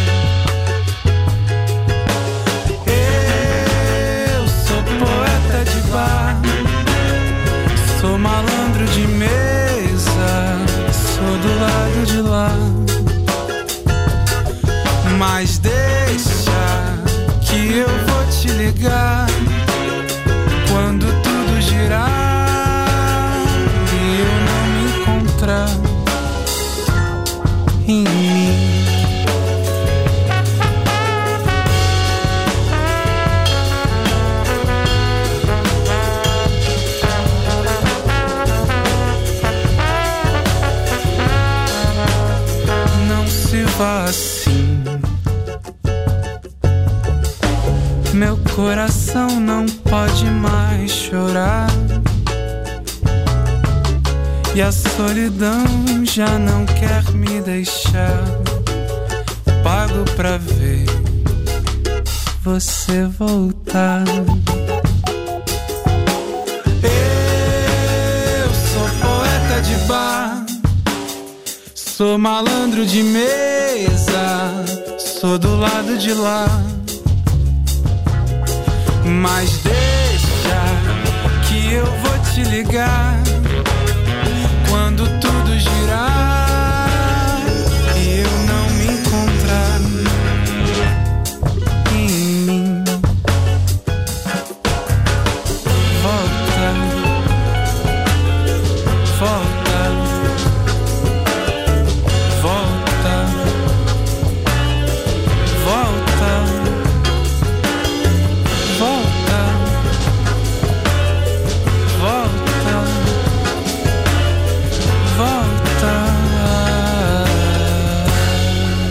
Joao Capdeville met Poeta de Bar. Het is een uh, jonge Braziliaanse singer-songwriter, afstammeling van uh, Franse kolonisten in uh, Brazilië, Basmet. Heb jij iets met Brazilië? mm, ik, heb dat, ik, heb dat bezocht. En ik ben ook zo een, een, een aantal weken gaan trekken in het Amazonegebied. Um, en dus ja, dat, dat, heeft mij wel, dat heeft mij wel geraakt. Meer, meer, ik heb niks persoonlijk eh, met, met Brazilië, maar dat, dat, als je zo echt diep in, de, in, in, dat, in dat woud zit, dat is, ook, dat is ook niet altijd even aangenaam trouwens. Dat is ook mhm. gevaarlijk en, en, en, en, vochtig en, en warm en, en niet gemaakt voor de mensen. Um, maar dat, dat, dat, dat, dan voel je wel een soort van ja, een soort verband met de, de oorsprong van al hetgeen dat leeft. Ja, en dan zal je de verkiezingen in uh, Brazilië eind oktober ook wel hebben gevolgd, hè? want uh, dit was het uh, resultaat. Obrigada, Deus! Obrigado! Nosso Brasil de volta! Zondagavond om 19 uur is al duidelijk dat Jair Bolsonaro de volgende president van Brazilië wordt.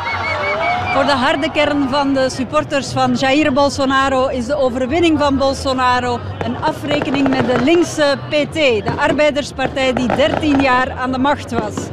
Zij stellen al hun hoop op Jair Bolsonaro voor een veilig, corruptievrij Brazilië. Touché. Annelies Beck, die verslag uitbracht van die zeer woelige verkiezingen van uh, Bolsonaro in uh, Brazilië. Um, tegelijk hebben mensen ook voor iets anders gestemd, hè, door voor Bolsonaro te stemmen. Iets wat, uh, wat jou heel erg ongerust maakt. Ja, ik, ik, begrijp dat mensen stemmen voor hetgeen dat zij denken dat veiligheid en, en, en, zal brengen en corruptie gedaan zal maken. Dat lijkt me een zeer logische keuze. Maar als die keuze inhoudt dat het, het, het regenwoud gekapt moet worden, dan is dat natuurlijk wel een, een, een heel ander verhaal. En dat is echt wel een feit uh, op dit moment. Ja, hij is, hij, is, hij is, pas aan de macht vanaf januari. Um, maar in zijn, ja, zijn doel, of zijn eerste, een van zijn eerste plannen was om het, de, de, het agentschap voor um, milieu en dat voor landbouw van dat samen te doen smelten. Dat is natuurlijk geen, geen goed teken. En hij heeft er Waarom nooit niet? Omdat als je milieubescherming begint te zien als potentie voor landbouw, dan dat zijn twee verschillende eh, manieren om, om, om met, met regenwoud om te gaan. Hij, heeft, hij wil ook de, de bescherming van de, van de indianen uh, opzeggen. en, en hij heeft er ook, geen, heeft er ook openlijk over gesproken dat hij het, het regenwoud verder wil blijven ontginnen. En dat gaat echt de verkeerde kant uit. Ja, ik heb dat eigenlijk misschien voor de eerste keer goed beseft in mijn gesprekken met, met John Allen. Dat is een, een, eh, zeer, zeer intelligente kerel ondertussen 89 jaar oud, die de uh, Biosphere 2 ontworpen heeft uh, in Arizona. Dat was die, die, enorme serre die ze begin jaren 90 uh, ook echt hebben uitgetest als experiment. Hè, van, ja, ja, zijn... Kan de mens overleven als we zelf zorgen voor onze eigen zuurstof? Ja, en ja, nee. Of zit het anders in elkaar? Het zit anders in elkaar. Zijn, zijn, zijn eh, vraag was: de, de, we weten zoveel over. Um, de fysica heeft zich zo hard geconcentreerd op het, het, het zeer kleine. We gaan tot het, het atomaire en, en veel verder hè, in, in het onderzoek. Maar eigenlijk weten we nog altijd niet wat de invloed is van de oceanen op het klimaat, van de, de, de, de, woestijn. We weten eigenlijk nog altijd niet hoe de planeet werkt als een, als een, als een systeem. En, en zijn punt was van eigenlijk de planeet is een gesloten systeem. Gesloten niet, er is geen muur rond de planeet, maar door de zwaartekracht wordt eigenlijk heel de atmosfeer aan de planeet gehouden. Dus er is eigenlijk heel weinig uitwisseling met, de, met, het, met het universum.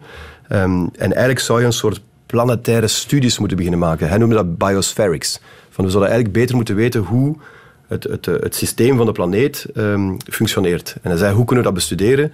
alleen maar door het na te bouwen. Dus eigenlijk hebben ze in miniatuur de vijf biomen. Biomen zijn de grotere, uh, grotere landschappen. Uh, die hebben ze herbouwd. Het regenwoud, um, de, de, de, de oceaan, de savanne, de, de, de woestijn en dan ook de stad.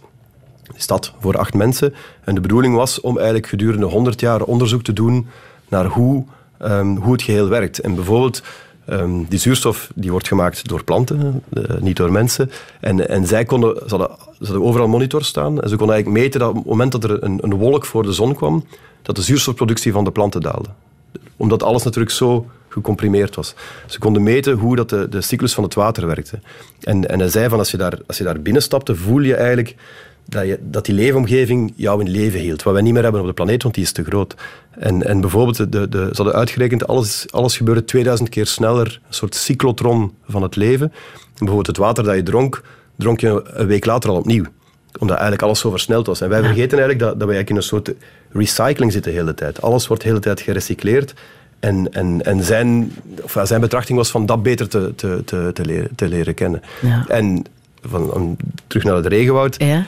Hij zei van natuurlijk kan je de, de, winst die, die we maken is de ontginning van die natuurlijke uh, materialen die jaren geduurd hebben om, om te maken. Fossil fuels, fossiele brandstoffen, het woord zegt het al, heeft, eh, heeft biljoenen jaren in, geslag, in beslag genomen. Dat is eigenlijk niet anders dan uh, levend wezens, de, de, de, organisch materiaal dat samengedrukt is en, en, eh, brandstof geworden is. Natuurlijk kun je, kun je, kan je heel veel winst maken door het regenwoud te gaan kappen en eigenlijk duizenden jaren evolutie te gaan, te gaan, te gaan vermarkten. Maar, maar, maar wie zijn wij in onze korte levensspannen op deze planeet om, om, om dat te doen? Dat, dat, is toch wel een vraag die, denk ik, zeer belangrijk is. Jij zou het een beter idee vinden dat uh, het Amazonewoud eigendom wordt van de Wereldbank?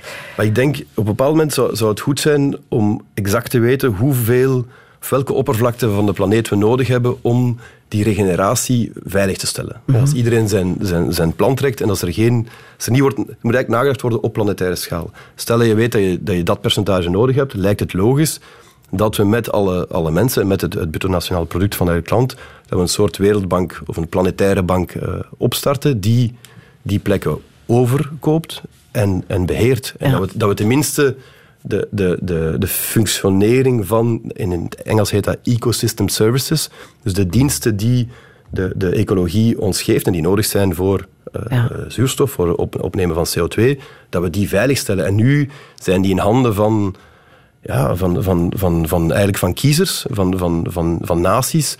Maar dat, dat, als je daar afstand van neemt, dat klopt niet dat, dat bepaalde naties kunnen beslissen wat de kwaliteit is van de lucht over heel de planeet. Ah, over welke gebieden uh, zou het dan nog kunnen gaan, bijvoorbeeld? De, de, de vijf uh, landen die het meeste van de ongerepte natuur beheersen. Die, dus er zijn vijf landen die 70% ervan uh, beheersen. Dat is Brazilië, Rusland, Verenigde Staten, Canada en Australië. En niet toevallig ook de vijf landen die het meest dwars liggen bij elk gesprek over uh, de inperking van de klimaatverandering. Ah, die heb jij uh, ook gevolgd, hè? de klimaattop in, uh, in Polen. En dat is niet zo goed geëindigd. wat heb jij daarbij gedacht? Ja, ik, ik dat is, wat, wat ik daarbij denk is dat de, de onze de beslissing de beslissingen die we maken zijn zo traag, terwijl de klimaatverandering alleen maar sneller verloopt. Dus er is op een bepaald moment Frustrerend. Ja, de, de, ook denk de meeste mensen beseffen dat het heel dringend is, maar, maar, maar we geraken er niet uit. Dus op een bepaald moment gaat de, de, de zal de realiteit uh, ons wel dwingen, denk ik, tot, uh, tot verandering. De regels zijn belangrijker dan de mensen op dit moment. Maar het is niet gemakkelijk om met 196 landen tot een akkoord te komen. Um, dus, dus zoals vaak zal een, een, een soort uh, catastrofe of apocalyps nodig zijn om de grote verandering erdoor te duwen. En die, die denk ik wel dat we die, uh, dat we die nog gaan zien aankomen. Eén boek dat uh, de mensen zouden moeten lezen volgens jou is uh, dat van de Amerikaanse journaliste Elizabeth Colbert. Het zesde uitsterven won ook de Pulitzer Prize een aantal jaar geleden, The Sixth Extinction.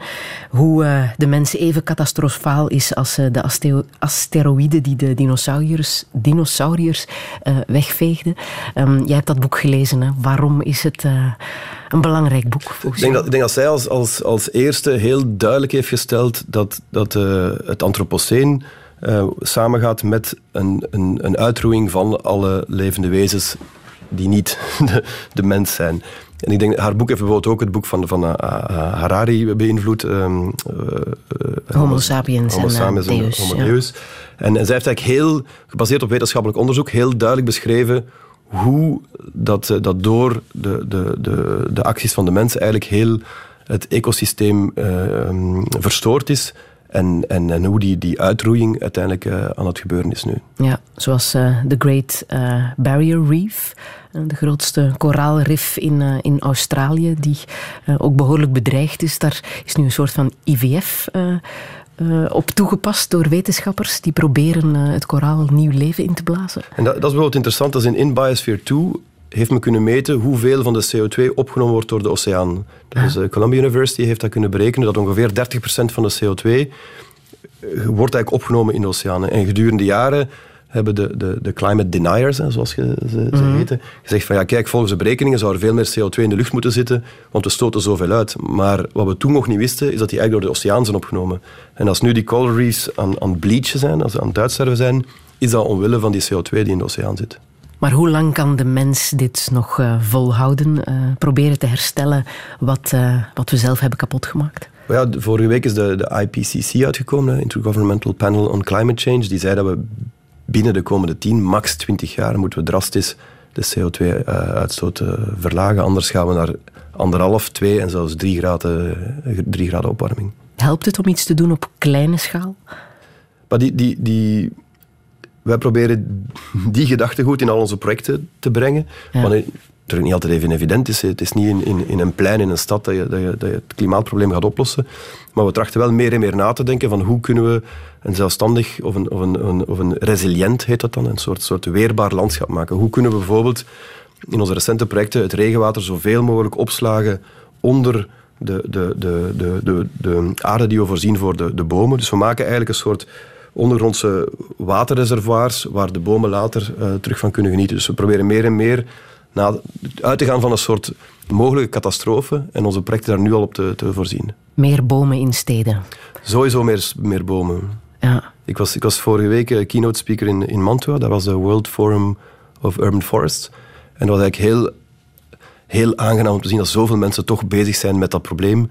Um, aan het kijken zijn van, van bijvoorbeeld in, in New York hebben ze voorbij tien jaar 1 miljoen bomen geplant. In Tirana gaan ze de komende tien jaar 2 miljoen bomen planten. En meer en meer zijn er toch um, steden die, die... En het is meestal op stedelijk niveau, want dat is nog een, een niveau dat gemakkelijk beheersbaar is. Um, zijn er toch acties die, die, die, die dat doen. Ben jij voor of tegen het gazon? Goh, ik vind, ja, ik vind gazon is niet interessant. Nee? Dat is niet interessant uh, biologisch, dat is niet interessant ecologisch. Dat is misschien tof om op te voetballen. Um, maar het feit dat iedereen zo'n zo'n perfecte gazon wilt voor zijn huis, is een beetje... Um, ja, dat is niet meer van deze tijd, denk ik. Nee? Wat moeten we dan wel doen? de natuur zijn gang laten gaan. Ik denk dat we een deel moeten, moeten uh, afrijden, voor mensen die graag hun gras afrijden, waar je op kan zitten. Maar je moet dan vooral ervoor zorgen dat er de rond de natuur zijn gang laat gaan. En, en dat, we, dat, we, dat we een veel rijkere um, vegetatie krijgen waar ook de, de, de, de bijen en, en insecten van kunnen genieten. En gazon is dood.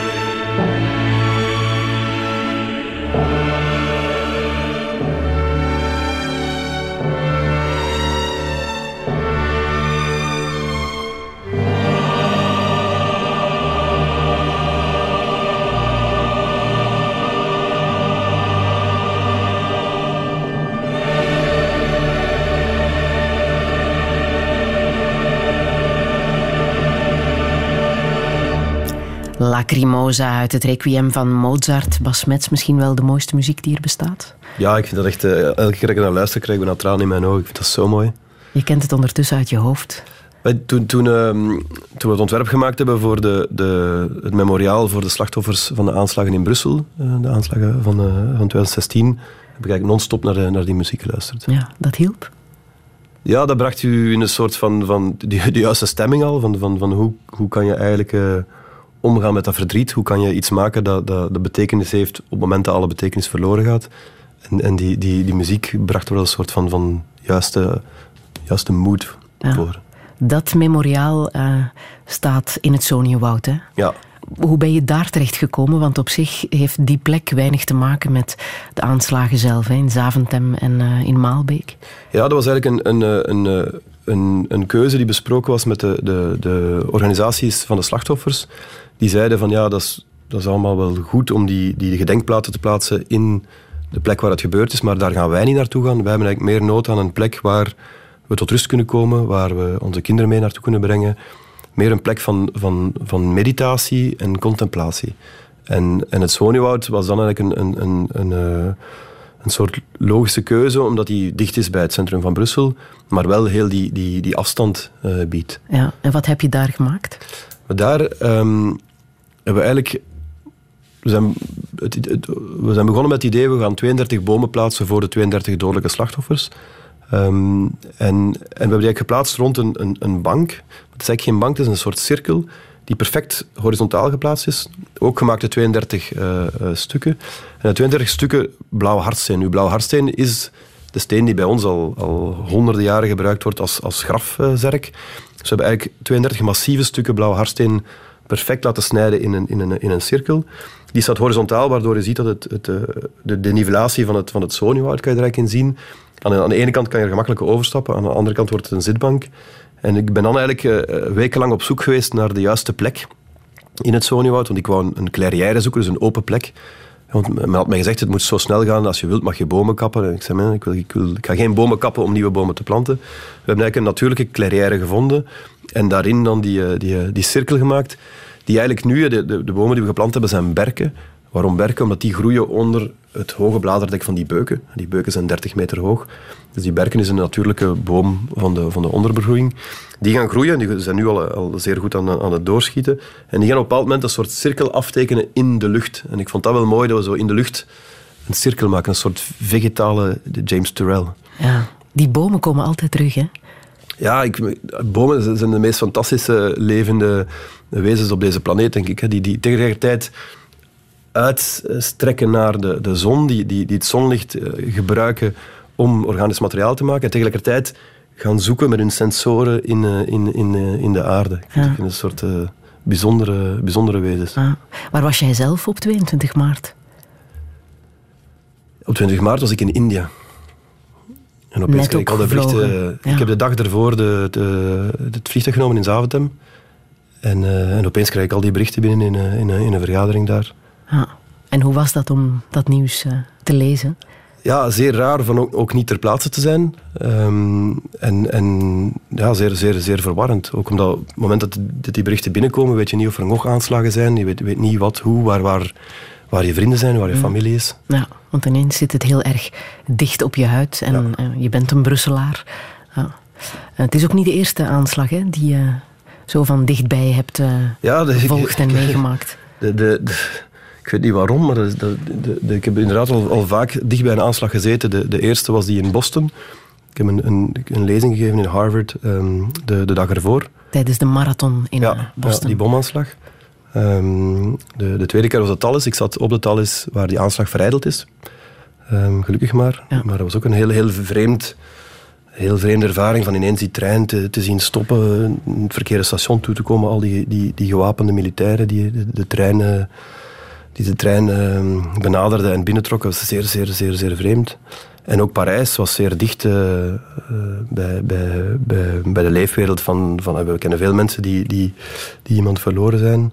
Um, en die aanslagen zijn ook gebeurd op plekken waar wij vaak komen. De Bataclan, die buurt. Ik heb Arno ook gezien in Bataclan. Mm. Mm. Um, ja, dus, dus ineens, ineens is, dat, is dat niet iets dat je leest op het nieuws, maar iets dat gewoon in je eigen leefwereld gebeurt. Ja. Mm. Um, is, is het daarom, denk je, dat ze bij jou terechtkomen als er een memoriaal moet worden gemaakt voor dit soort gebeurtenissen? Nee, misschien heb ik er iets meer voeling mee. Of, heb ik, of, ik, of, of, of, in elk geval, ik vind het een zeer mooie opdracht. Dus ik, ik, ik, ik werk er graag aan mee. Maar bijvoorbeeld uh, Noorwegen was een wedstrijd. Ja. Um, de, de, de, en en de, die in Brussel was eigenlijk ook een, ook een soort toeval um, dat het ineens uh, bij ons terecht kwam. Ja. En natuur is natuurlijk ook leven. Hè? Dat is, uh, ja, natuur is hoop. Hè? Een andere manier van leven. Ja. Ja, ja ik denk dat wel. En, en de, de, een van de, de boswachters zei me dat, is dat, er, dat er eigenlijk veel mensen het memoriaal komen bezoeken. En zei op een bepaald moment dat er, dat er iemand was met, uh, met krukken en die elke boom één per één kwam groeten. Ik vond dat wel een zeer mooi, zeer mooi gebaar. Ah. Wat heb je geleerd uit uh, La Vie des Plantes? Dat is een boek dat je mij hebt aangeraden van een uh, Italiaanse filosoof, Emmanuel Coccia. Coccia. Ja. Ja, Emmanuel Coccia, die ondertussen ook met, met, met een vriend geworden is. Um, is, het is een fenomenaal boek. De, de titel is eigenlijk bijna te, te, onnozel. Hè? La Vie des Plantes. Het klinkt alsof een soort banaal boek is. Maar hij herdenkt heel de wetenschap vanuit het idee van, van, een, van een plant. Hij zegt van wij, denk, wij denken alles vanuit het idee van, van, een, van een dier, want we zijn een dier. Maar eigenlijk planten zijn op een bepaalde manier veel intelligenter. En wij beschouwen de planten als een soort minder belangrijk, um, uh, minder belangrijk dan ons, zoals we alles minder belangrijk beschouwen dan ons. Maar hij zei van planten, juist omwille van het feit dat die niet kunnen bewegen, moeten die de leefwereld manipuleren. Dat doen ze met geur, met, met kleur, met, uh, met inspelen op de seizoenen, maar eigenlijk moeten zij de dieren naar hun trekken. En hij zei van eigenlijk zijn planten totaal onderschat um, en moeten we die, die, de rol van die planten uh, volledig gaan herdenken. Wie zal het halen, denk je? De mens of de natuur? Altijd de natuur. Sowieso krachtiger, hè? Ja, we kunnen de, bedoel, als we de natuur kapot maken, is er niets meer. Dus dan hebben we het ook niet zelf gehaald. Ik denk dat de, de, de natuur heeft ons ook voortgebracht. Hè. We, zijn niet, we, zijn, we beschouwen onszelf als buiten de natuur, um, maar eigenlijk we're part of the equation. En dat is wat John Allen mij ook altijd zei, van als we die mensen in de laboratorium hebben gestopt, is om, omdat we er deel van uitmaken. We doen altijd alsof we al de rest kunnen beschouwen als iets objectief, maar we maken deel uit van, uh, van, van, van, van heel die natuur. De discussie van de inheemse en de uitheemse planten, geloof jij daarin? Moeten we daar rekening mee houden? ik, ik, geloof in die intenties. Ik geloof in die intenties dat je de juiste planten op de juiste plek moet planten. Maar stel nu dat we naar anderhalve graad uh, temperatuursverhoging gaan, dan, dan zijn die lijstjes van inheemse planten totaal niet meer relevant. Want dan gaan die bomen natuurlijk opschuiven naar het noorden, net zoals de mensen gaan doen. Hè. Dat is heel het migratieprobleem dat eraan komt omwille van die, die klimaatverandering. Dus ik geloof in, in, in de juiste plant op de juiste plek die daar goed kan gedijen. En ik geloof natuurlijk dat we niet ineens eh, exotische um, elementen moeten gaan overbrengen die het, bestaande gaan, gaan, gaan, gaan verstoren. Maar bijvoorbeeld in, in, in, in die tuin in Londen die we gemaakt hebben, was er een microklimaat omwille van het feit dat er schaduw van alle kanten op die tuin was, dat er geen wind was. En daar hebben we een boom geplant die uit Nieuw-Zeeland komt, maar die daar op die plek de perfecte boom is. Ja, in die structuur het beste gedijt. ja. ja.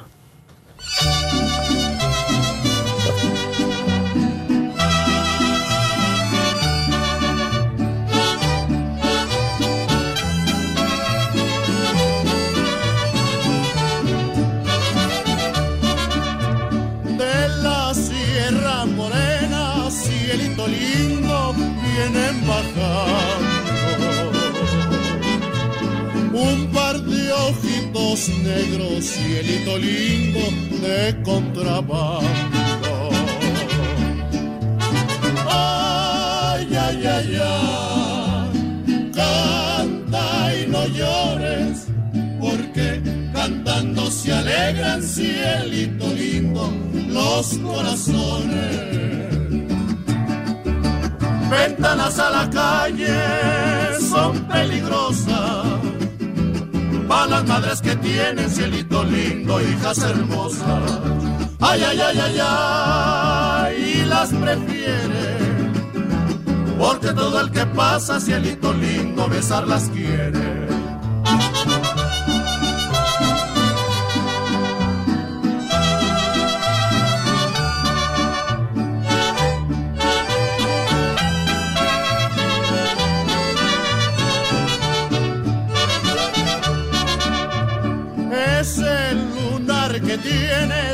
angelito lindo junto a la boca. No se lo des a nadie, cielito lindo que a mí me toca. Ay, ay, ay, ay, canta y no llores, porque cantando se alegran cielito lindo los corazones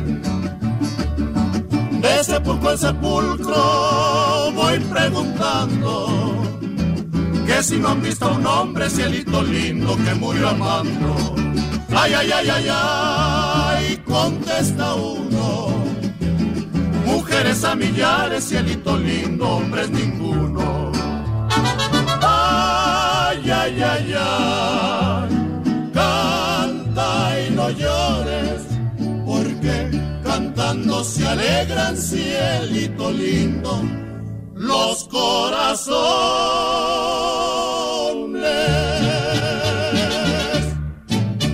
Vrolijke Mexicaanse muziek, Cielito Lindo. Basmets, waarom wou je dit laten horen? Uh, ik was mijn lijstje aan het maken van, van, van nummers uh, die, ik, die ik graag wil laten spelen. En, en mijn vriendin had zoiets van, ja, dat is allemaal zo niet vrolijk genoeg. Dus ze zei, ik zei van ja, maar dan mag jij er ook een kiezen. En zij heeft dit gekozen. En waarom heeft ze dit gekozen, denk je? Ze, haar familie woont in Mexico en, en ze is eigenlijk half Frans, half Argentijns. Maar de familie is naar Mexico verhuisd in de jaren 70.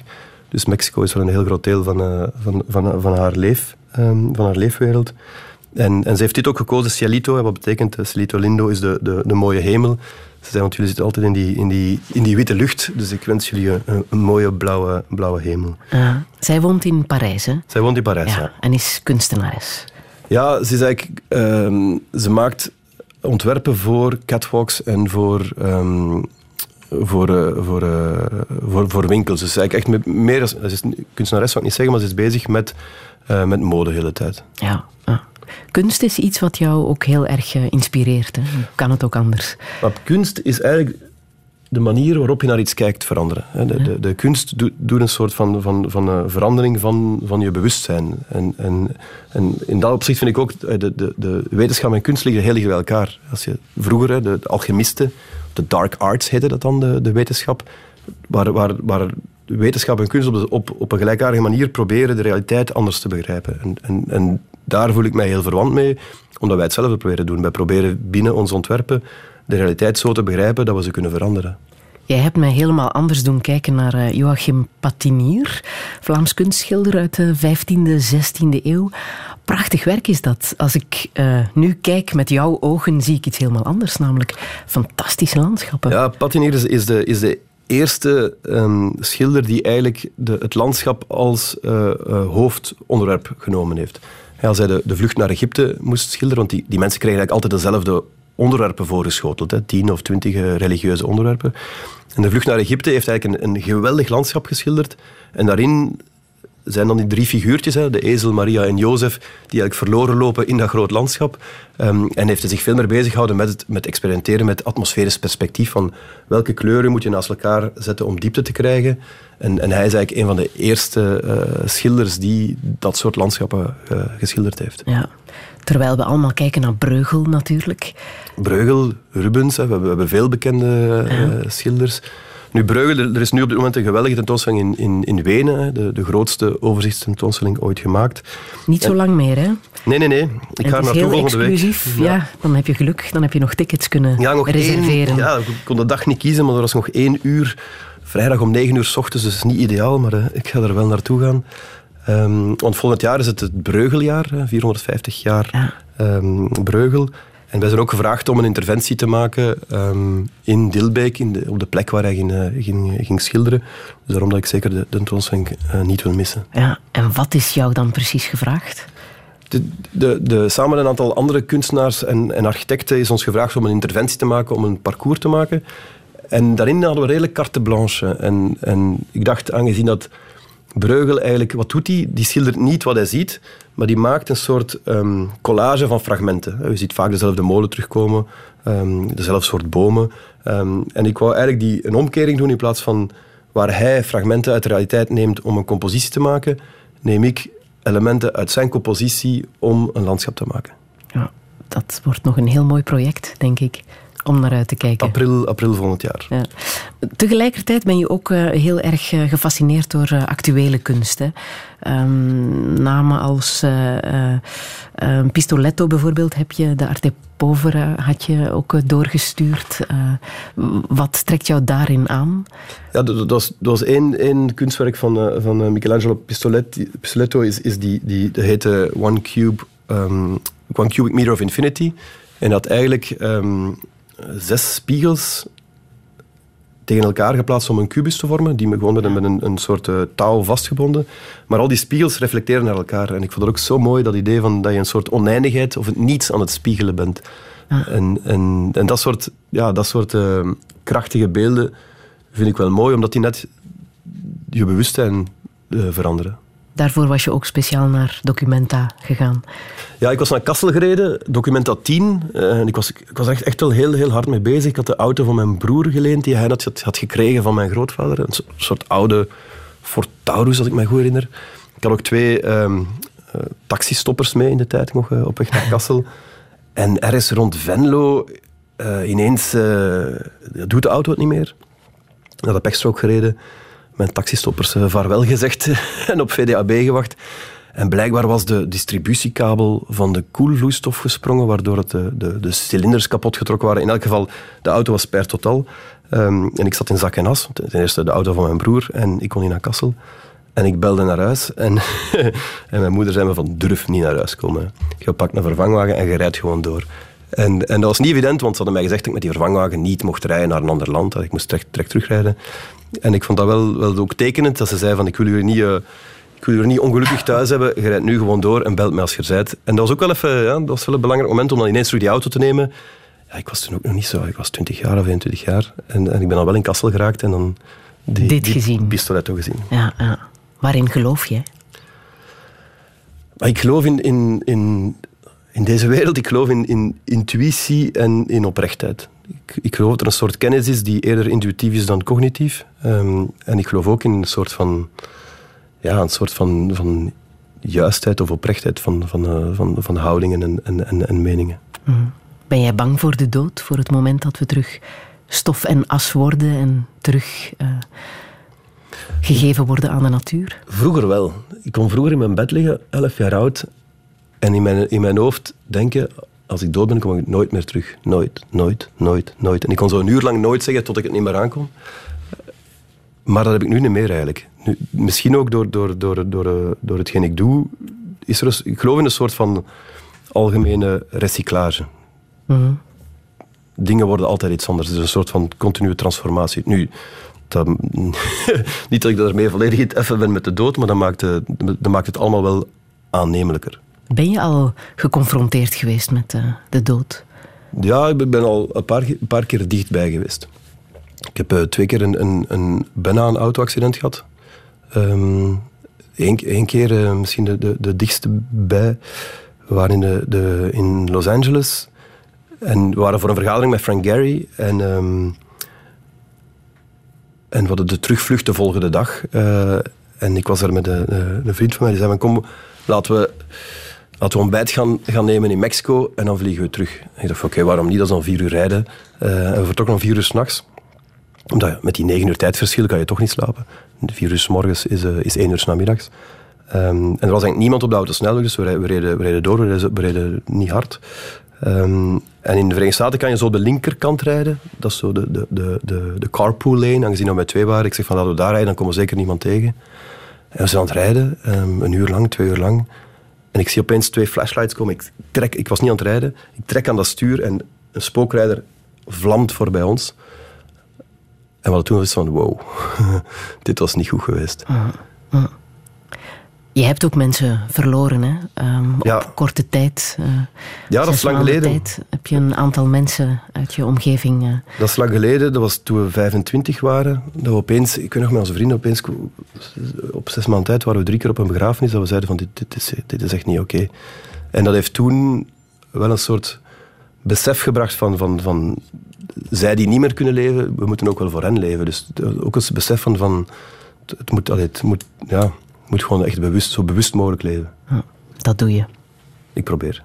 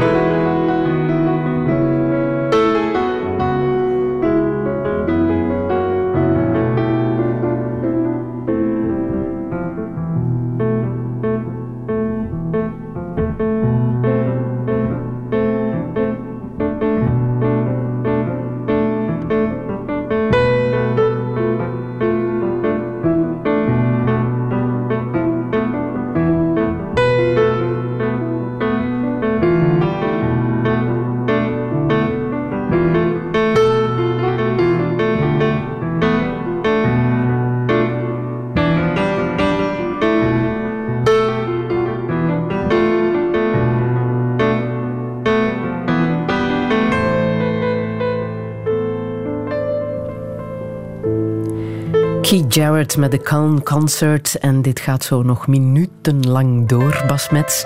Je hebt hem nog live gezien. Ja, ja in, in, eh, in de Henri Buffzaal in, eh, in, in Bozar.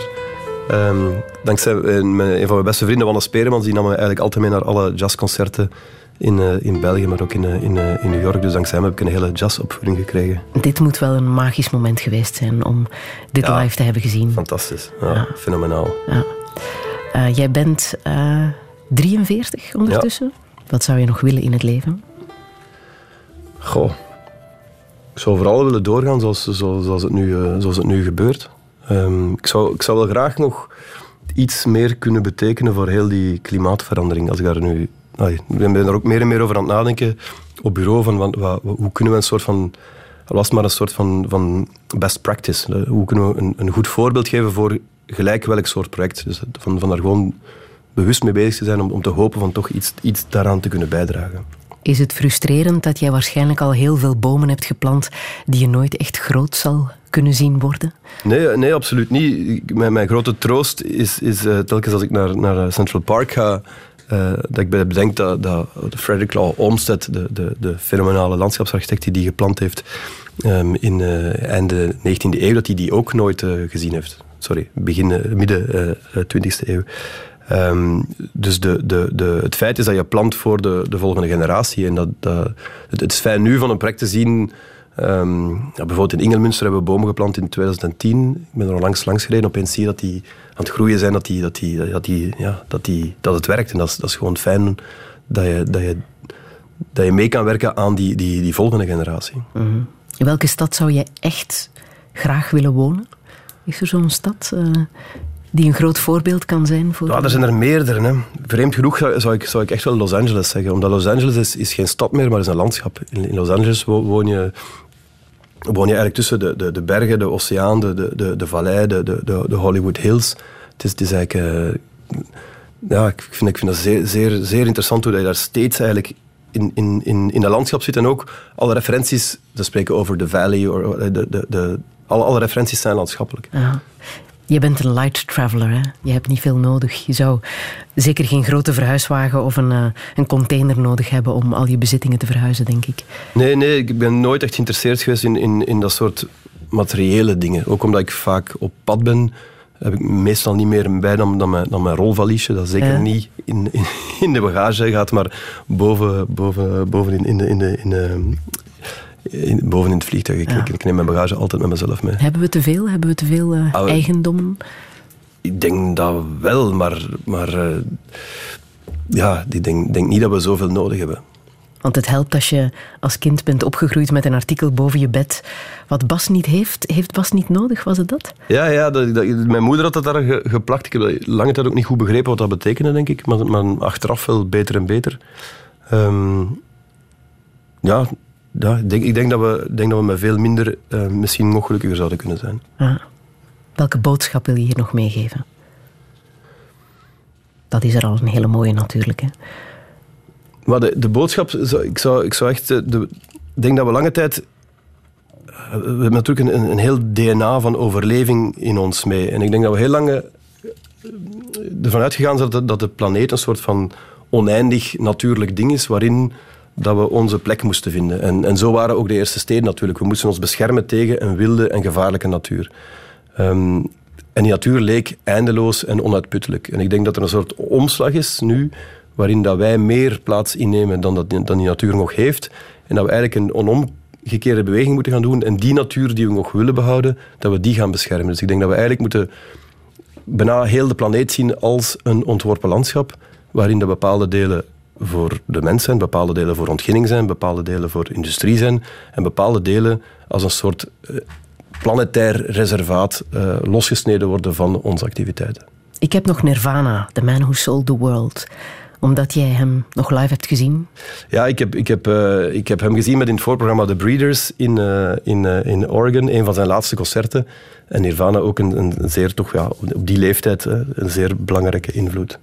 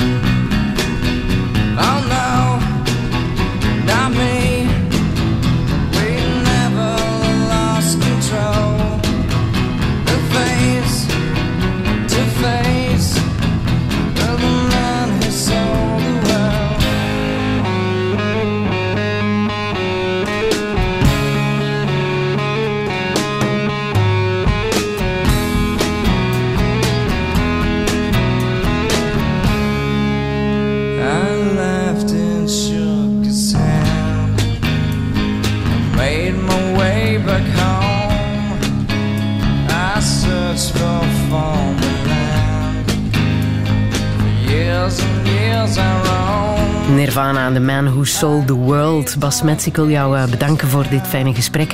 Alle info staat zo meteen na te lezen op onze website radio1.be. Daar kan je ook herbeluisteren of de podcast eh, activeren, mocht je dat nog niet hebben gedaan. Volgende zondag is er de laatste touché van het jaar. En dat doen we op zeer smakelijke wijze met chef-kok Roger, Roger. Herbeluister touché via de podcast, de Radio 1-app en radio1.be. Touché.